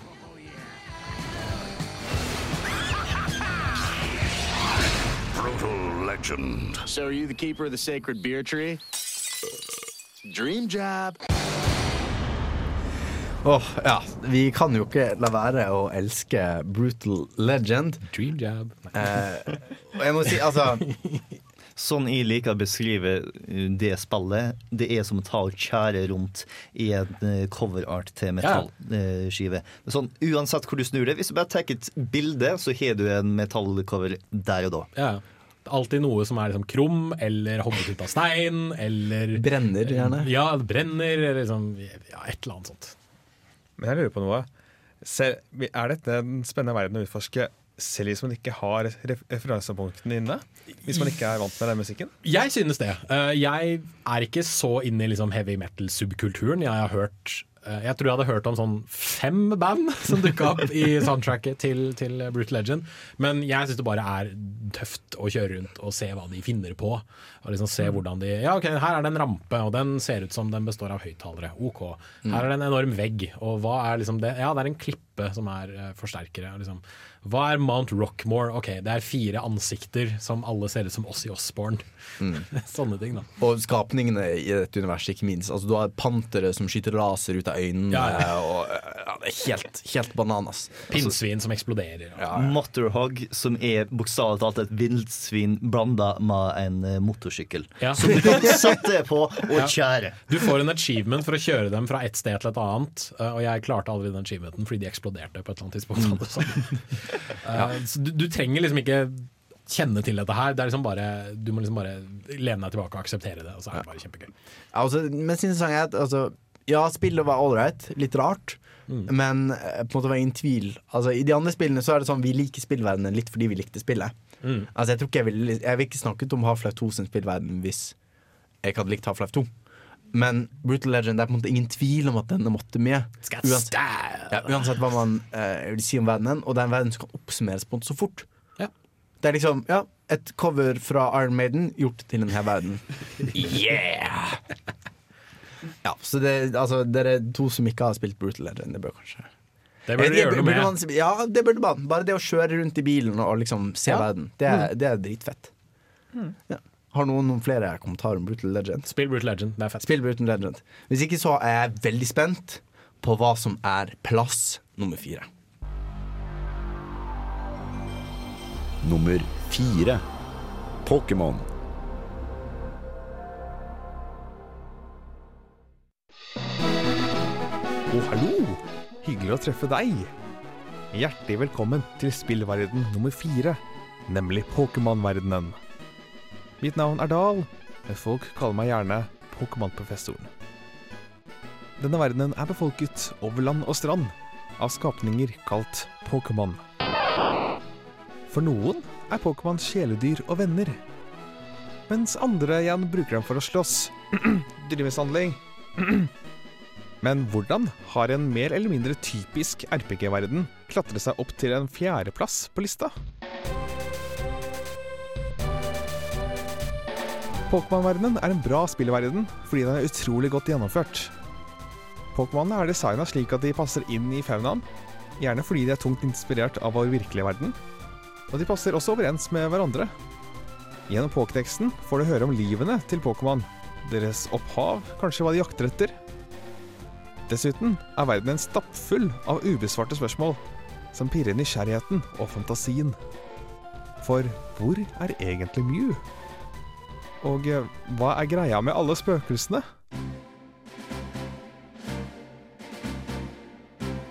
Samtidig så er Pokémon-verdenen også en idyllisk og fredfull verden. Du kan ikke dø, i hvert fall ikke i spillene. Folk tar vare på naturen, det er landlige omgivelser. Og du står fritt til å utforske og dra ut på episke eventyr. Detaljnivået, fantasien, idyllen og kanskje litt nostalgi gjør at Pokémon-verdenen fortjener en fjerdeplass på denne lista. Ja, og jeg Altså, det er ikke noe vondt ment når jeg sier at Pokémon på er drevet av en god dose nostalgi. For det er veldig, altså, Hvor mange her så Pokémon enten på TV eller hadde Pokémon-kort når de var små? Det er veldig god radio at alle Ja, ja, ja, komme. La meg, la meg male dere et språklig bilde. Eh, fire person, fem personer står i et rom, og så har de hendene i været. Vi er, fem, vi er også for reference fem personer i rommet totalt. Så det er altså fem, fem av fem. Fem av fem oppsummert. Eh, fordi det er liksom hvem Det den perfekte å på si guttedrømmen. Det er slemt sagt. Gutte, persondrømmen. Liten persondrømmen. Barnedrømmen! og liksom dra på eventyr med en Jeg prøver å være politisk korrekt, OK? Jo, jo. Altså, eh, persondrøm Å dra ut på eventyr sammen med en sånn superkul, badass eh, eh, dyresidekick når foreldrene dine kanskje ikke lot deg få en hund engang. Det jeg liker veldig godt med Pokémon-verden, er at det er Pokémon verden. Fordi at med de aller fleste rollespill så er det litt merkelig at du har en hel haug med folk i denne verden som deltar i strid og alt sånt som det er, til tross for at de egentlig burde være bønder eller noe annet. Men med Pokémon så er alt som er Pokémon. Pokémon er politikk, det er helse, det er alt sammen. Det folk tar og bygger med hjelp av Pokémon. Folk reiser med hjelp av Pokémon. Folk tar og skriver brev med hjelp av Pokémon. Det er liksom Alt sammen blir gjort med Pokémon, og det er ferdig alt så masse mer gjennomført. Og jeg liker også tanken om at dette er en verden som har gratis eh, helse, fordi at det er drevet av de som driver med Pokémon-kamp. Det er de som selger Pokémon-baller og Pokémon-healing og potion og antidotes og sånt. De betaler for at du skal gå gratis på Pokésenteret, sånn at du har trangen for å ta og kjøpe mer utstyr ifra deg. Sånn at Det er et slags skattefinansiert uh, helsevesen. Take that, America! Det var vel eh, tre streng hatt Devon Corp eller noe sånt, som eh, står bak pokerball og Er ikke det litt skummelt at du har ett selskap som måtte styre Jo, men så de, mye de lar jo folk kjøpe det billig uansett. I hvert fall disse eh, Det er liksom- Jeg ser for meg en mørk, dystopisk Pokémon. Det er kapitalisme og sosialisme som holder hender hånd i hånd, og det ser ut til å gå ganske fint her. Man skulle hatt kapitalisme-Pokémon og sosialisme-Pokémon. Men jeg, jeg vil vite hva som er folk sin favoritt-Pokémon.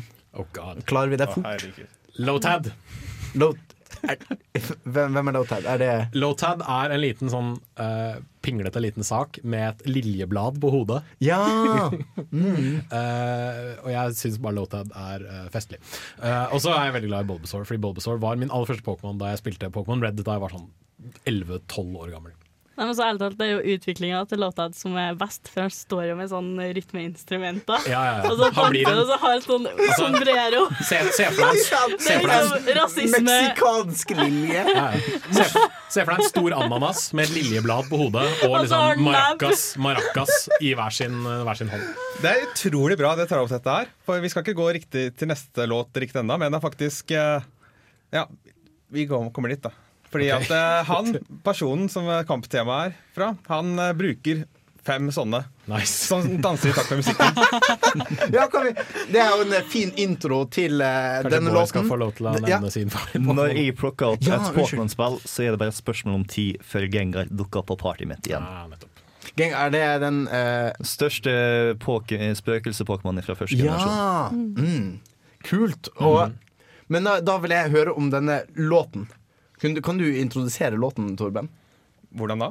Altså, Bare si den. Ja, altså det er på en måte Du virker som du kjente til denne låten. Ja, dette Så- er eh, Jeg ser ikke navnet herfra, men det er en amerika nei, japansk komponist som har laget låta Mirror B, Mirror B Battle.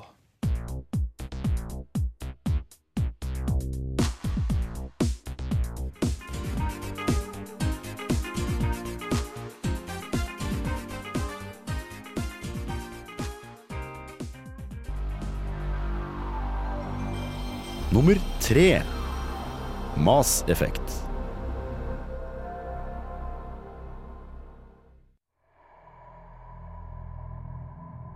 Grunnsteinen for Masfekts Effects spillverden er et ønske. Et ønske om å skape en galakse like detaljert, gjennomtenkt og fullstendig som kjempene i sci-fi-sjangeren. Som Star Wars, som Star Trek. Og dette er et ønske som også har blitt oppfylt. Ikke bare fordi du kan bruke flere timer i spillets leksikon, ja, det het leksikon, og lære om all teknologien som driver romskipet, eller historien og sosiologien bak romvesenkulturene. Ikke bare fordi at hvert oppdrag, hver karakter og hver samtale utdyper og videreutvikler hvordan spillverden fungerer, men også fordi Melkeveien er like fylt med interessante konflikter, tankevekkende konsepter og minneverdige karakterer som kjempene der står på skuldrene til. Det som dog er spillverdens største styrke, er at den konstant blir påvirka av dine valg og formes deretter gjennom hele triologien. Konflikter mellom raser blir mer interessant når dine valg kan både føre til utryddelsen av den kollektivt intelligente robotrasen Gethan, eller legge grunnsteinene til en varig fred mellom deg og deres skapere, Corians. Den nomadiske rasen som mista alt etter å ha skapt Gethan med et uhell. Og hvordan du behandler de andre karakterene, kan være forskjellen mellom om de ender opp død eller i et forhold med det. Forblir idealistiske eller blir kyniske. Blir ledere eller enstøinger. I Mass Effect er Melkeveien ikke bare en galakse du besøker for eventyr og spennende historie. Det er også et sted du finner venner i. En plass du kan forelske deg i. En verden du kan komme hjem til. Mens denne saken pågikk, begynte vi å rope til hverandre i studio om hvilken ending på Mass Effect 3 eh, som er den objektivt beste. Eh, men ja, altså Det går ikke an å argumentere objektivt for slikt. Svært så saklig du skal være da, Jens Erik. Visst pokker. Ja. Men jeg, jeg har eh, Har du spilt Mass Effect, Torben? Nei. Ikke for, altså ikke for å single out, men jeg tror det er den som ikke har gjort det. Uh, men hva er I verden. I verden, ja. Altså, de er, Det er én én mann igjen, Det er litt sånn sirkus. det liksom er en, men da har han i minste ikke fått endingen i treeren, da. Så han har kanskje blitt spart for noe. Nei, det er, det er gammelt nytt å gjøre narr av uh, Mass Effect 3 sin ending. Den var kanskje helt grei, sånn i ettertid. Men eh, jeg, altså, jeg vet ikke. Eh, jeg har satt med, på en måte så mye, brukt så mye tid på å lese codecen i Mass Effect, Mass Effect at jeg vet på en måte ikke hva jeg skal si om den verdenen. Det er liksom så Det er Star Trek, bare hvis alle i Star Trek var rasshøl. uh, unnskyld meg, men okay, Star Trek nesten alle i Star Trek var rasshøl. Ja, men det, det, det, det er veldig Star Trek. Ja, men det er Ja. veldig mange i Star Trek som er rasshøl Ja, det, fra det er allerede. Men Altså, altså, du, du har sett Star Trek Into Darkness, filmen? Uh, ja, Ja. beklageligvis. Fordi helt opp til liksom den dumme avsløringen av hvem Benedict Cumberbatch uh, spiller, Mm. så er det en veldig god Mass Effect-film. Faktisk. Jeg blir suicidal hver gang jeg tenker på Star Trek Into Darkness. Er du veldig glad i Star Trek? Ja, herregud. Jeg, jeg kondolerer. jeg har sett så mye Star Trek at det er skammelig. Men uh, altså, Mass Effect er jo i samme, på en måte, samme sjanger som Star Trek. Det er sånn techy-talky. Altså, De har alltid en Ja. teknisk forklaring på hvorfor det er sånn. Litt den fellen som Star Wars gikk i episode 1, som de ikke burde, burde gått i, er å prøve å forklare ting. Men i Star Trek så funker det. Ja, men det de også har veldig masse til felles med Star Trek, føles i hvert fall i, er at de har veldig sånn filosofisk bak det hele. Mm. Det er ikke bare den som slår hardest vinner, det er alltid noe ideologisk bak alle valgene. Mm, det er det. Ja, men altså, ærlig talt uh, Mass Effect er jo en veldig typisk sånn grim dark future-greie, mens hele greia med Star Trek var jo å være positiv. Det å si at hei, folkens, Ja, vi klarer oss. Så jeg vil si at dem er fundamentalt annerledes. Ja, ja, altså akkurat der, men de er litt samme sånn teknisk tekki-talki-greie. Og en veldig sånn, altså Hvis du vil vite akkurat 1000 sider om den alienrasen, så kan du finne det i kodeken. Yeah. jeg vil ikke egentlig kalle Mass Effect grimdark. Det er bare det at vi endelig kom oss ut forbi jorda. Fant resten av eh, romvesenene fant ut at de var like smålige og sjølopptatte og bitre som menneskeheten sjøl. Og teknologisk mer avansert. Ja, sann. det- Altså, jeg sier eh, Sci-fi som går ofte i fellen at måte, mennesket blir uh, allrounderne. Og det er jo Mass Effect òg, eh, alle blir liksom sammenlignet med mennesker som en baseline. Og eh, Mass Effect er også litt den typen sci-fi hvor alle ser litt ut som mennesker, og så har de noe maling i ansiktet. Du har noen unntak. Uh, men det er litt sånn Det er ikke den, kanskje den mest sånn uh, som utforsker hva sci-fi kan være, men det er mye sånn Det handler om filosofiske ting i nåtiden. på. Jeg liker også menneskeheten sin rolle i Mass Effect, fordi at de er the new kids on the block, som Mm. er veldig aggressive i hvordan de driver frem. De tar og koloniserer overalt. De tar og prøver å få mer og mer makt på, eh, i The Citadel. Og de, liksom, de blir satt på med skepsis, fordi at ingen burde ta og gjøre det så bra så fort som menneskeheten burde gjøre det. Jeg liker ikke å, å sitere uh, Yatzy i dette her, men han, jeg syns han oppsummerte det veldig godt da han sa at i, i Mass Effect-serien så har egentlig bare alle en svær dick-waving-konkurranse. det handler om å vise seg frem på best mulig vis overfor alle de andre. Det var vel også Yatzy som sammenligna Makoen med en, et kjøleskap på rulleskøyter. Vi må nesten bege oss videre, selv om vi må slutte på den kommentaren. Ja, Makoen er et kjøleskap. Jeg likte Makoen. Jeg er faktisk. Ja, men nå skal du få eh, den neste på listen vår.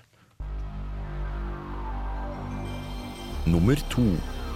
Selda.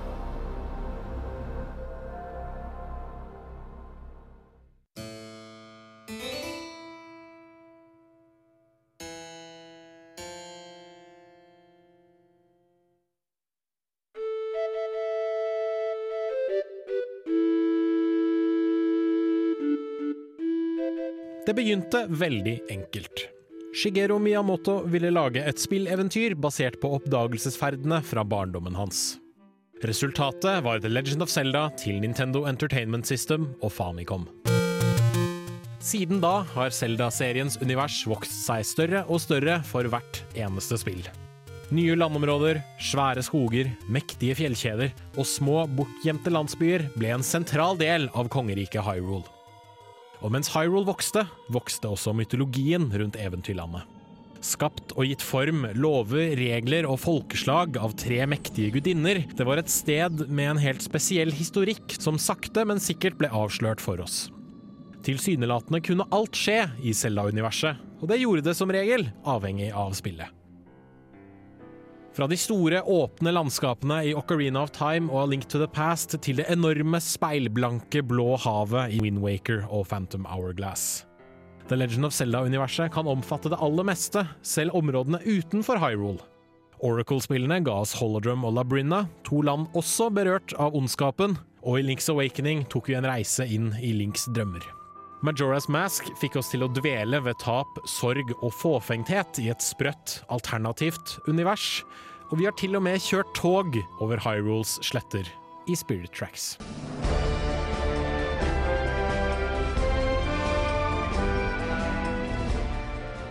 Det begynte kanskje smått, men det har blitt så veldig, veldig stort. Og tilsynelatende alt kan skje. Vi liker Zelda-universet for dets uendelige muligheter, og reiser gjerne dit på ferie hvis vi fikk muligheten. Nå har jo, eh, Hvis du har fulgt med på eh, YouTube-kanalen vår, så har du kunnet sett eh, jeg, meg spille Zelda. Eh, The Legend of, er det det den første heter? The Legend of Zelda. Mm. The Legend of Zelda, Første spillet i Zelda-serien. Eh, og det er kanskje ikke så Historiemessig er det ikke det mest interessante stedet. Men det baller jo på seg. Der og da er det ikke det, nei. Nei. Uh, og det er kanskje ikke stedet jeg ville dratt på ferie heller. Men jeg merker jo at nå at jeg har gått glipp av noe ved å bare spille det første spillet. Uh, så av alle Cirka alle de stedene vi har sett i Zelda-spillene, hva vil du si er det mest eh, interessante? Kanskje ikke det liksom koseligste, men Eh, eh, det, det, det er mitt svar. Det er vanskelig. Ja. ja det, det er svaret. Nei, det, er veldig, det, er, det er ikke lett å svare på. Altså, men Hyrule er jo et sted hvor det alltid Det skjer alltid noe jævlig der. Dessverre. uh, men uh, Nei, jeg, altså jeg, jeg kan ikke svare på det. Det blir for stort. Det blir for mye. Det jeg liker veldig godt med Zelda-serien, er at det er et veldig godt møte mellom eh, vestlig fantasy, da spesielt tolken Tolkien sin high fantasy, og møter med japansk eh, forståelse. Og det skapes noe veldig nytt og veldig annerledes, men samtidig noe merkelig gjenkjennbart allikevel. Og eh, måten de tar og hilser til law og alt sånt som det er, minner meg veldig masse sånn du snakka om med Half-Life, hvor de egentlig ikke gir det for masse. Og hvis de har lyst til å lage et spill som ikke bryr seg om tidligere law, så er det bare sånn «Øh, Nå er verden full av hav! Deal with it! Men selv, men selv da refererer de jo bakover til ting som vi vet har skjedd før. Det. Og det er litt det er de der små dryppene som før de ga ut den Hyrule Historia-boka, bare sa ja, tre tidslinjer, vær så god. Mm. Det, det, det, var liksom, det var en del av mysteriet, og det syns vi var veldig kult. At liksom, her er det noen hint til en større historie, og vi kan delvis sette det sammen. Yeah. Men vi vet ikke ennå, og det, det, liksom, det mysteriet er kult. Ja, Lauren fungerer mer som eh, eh, hyssing som binder deg sammen, i stedet for murer som tenker å stenge deg inne. Nettopp. Godt sagt. Og med mysteriet in mind, um, så skal vi uh, først eh, få en eh, låt fra Selda eh, før vi avslører vår nummer én. Eh, dette er eh, fra The Legend of Selda, 'Song of Storms', med eh, Game and Sound.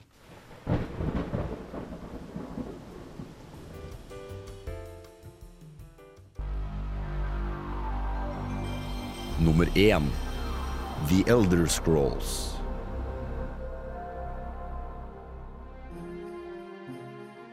Kongen har døva, og helten får tak i et magisk totem. De kan velge å bruke det sjøl, eller gi det til noen annen. Dersom de ikke bruker det sjøl, deltar flere herskere, inkludert keiseren, i en vill budrunde for å få tak i totemet, som kan brukes til å aktivere en giant death robot. På en eller annen måte får alle tak i den på nøyaktig samme tid, og plutselig er flere bystater slått sammen til fire, og alle er lojale til keiseren. Og en sjarmerende fyr kalt The King of Worms får et hjerte, sånn at han kan dø sånn han vil, og drar helten med seg. Kanskje. Totemen det er snakk om, tilhørte en fyr som heter Tiber Septim, som får igjen Tamriel. Eller Eller kanskje han ikke eksisterte heller, og det hele er en fabrikkert historie for å rettferdiggjøre juks og undertrykkelse av flere folkeslag. Og hva skjedde med dvergene? Er kontinentet Akavir en drøm? Er dronning Arjen en tidsreisende robot? Ved første blikk virker det som en ganske straightforward spillserie om alver og drager og magi og krig og fred og kjærlighet og sånn.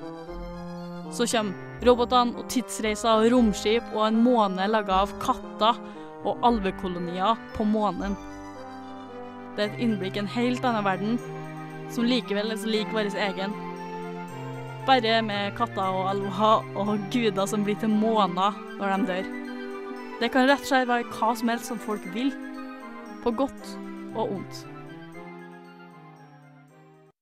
Oh, nå skulle du skulle sett ansiktet til Jens Erik underveis i den uh... Jeg har kun spilt uh, Skyrim, uh, og jeg visste ikke at det var så mye rare ting bak kulissene i, Mm. i denne, dette spilluniverset. Hva kom vi fram til? Planeten heter Nirn. Nirn.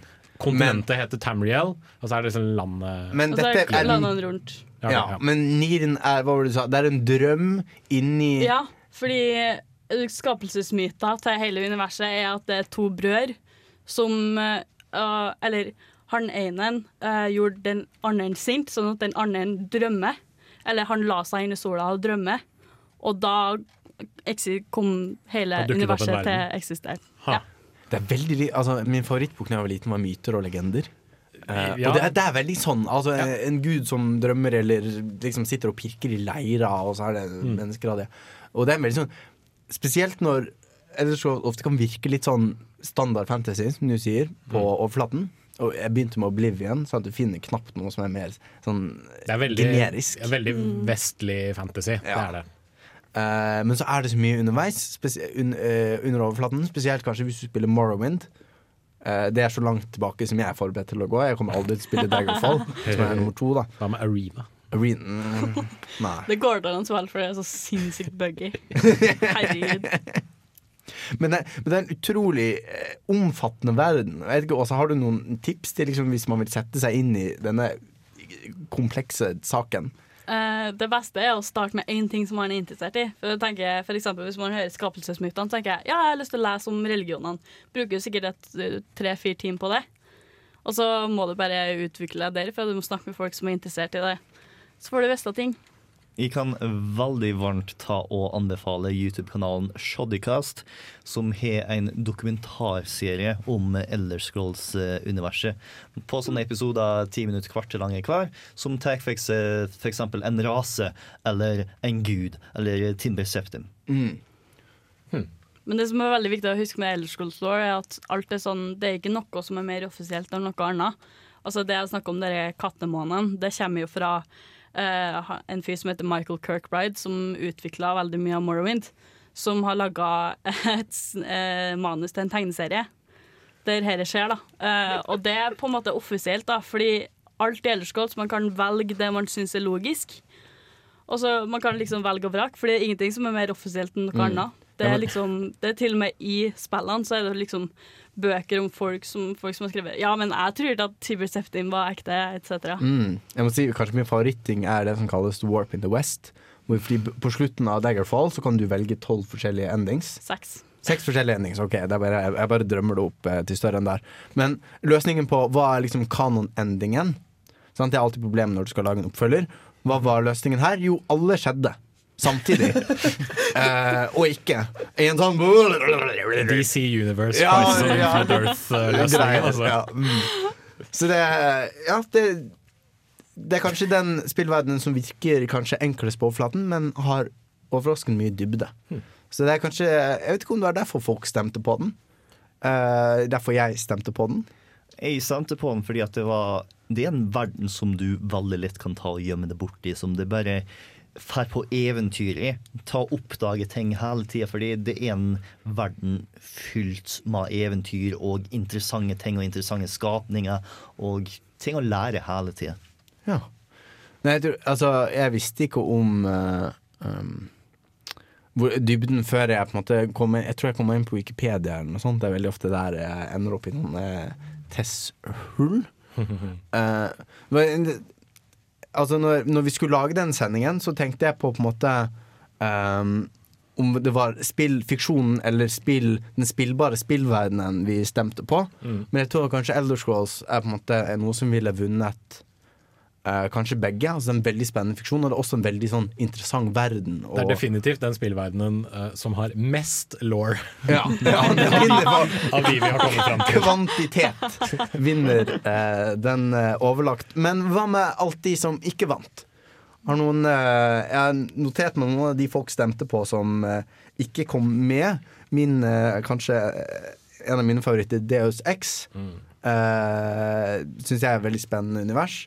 Har dere noen eh, dere gjerne skulle sett på listen vår? Jeg nevnte jo Mortal Kombat, bare fordi det skjer så mye sprøtt i Mortal Kombat. Uh, og det er liksom enda et tilfelle av en spillverden der tilsynelatende alt kan skje. Det er sånn, ja ok, Denne personen er en kyborg, denne personen er en zombie. Uh, Scorpion er en, en, en hodeskalle som brenner, og så kan han spytte ild. Det er liksom ikke måte på hva de kan få til. Men, men de prøver å forklare dette i et eller annet univers. De driter litt i det. det er bare sånn, Nei, han, han er det han er. Ferdig med det. Her er det ninja som er en robot. Fallout var vel på nedre Mm. halvdelen av vår topp ti-liste, men når vi skulle lage, så var det ingen som tok seg tida til å lage Fallout, så da endte det opp med å ikke dukke opp. Eh, Det var liksom ikke noen som brente hardt nok for det. Og når vi er inne på temaet om hva spillverdenen heter, vet du hva spillverdenen til Dragon Age heter? Nei. Fedas. Fordi at eh, det de har som eh, arbeidsnavn, var The Dragon Age Setting. Så da ble jeg bare de tre siste ordene dytta sammen. The DAS. Nice. Det, det, det var faktisk eh, den beste eh, fun facten i dag. Nest, det var alt vi hadde tid til i dag. Eh, neste sending så skal det handle om eh, retrospill. Yes. Det er vel du som skal lede den Ja, reisen? Da er det dit. snakk om hvordan retrospill har kommet tilbake. Både i den måten at du nå kan ta spille retrospill gjennom eh, virtual console, ta og kjøpe det som vinyl i butikken nesten, eller spille spill sterkt inspirert av retrospill. Ja. Det gleder jeg meg til. Jeg håper dere gleder dere til dere også. Nå får du vår siste låt for i dag. Dette er Lay Me Down av Sam Smith. Vi er Nerdeprat på sosiale medier. Ha det bra!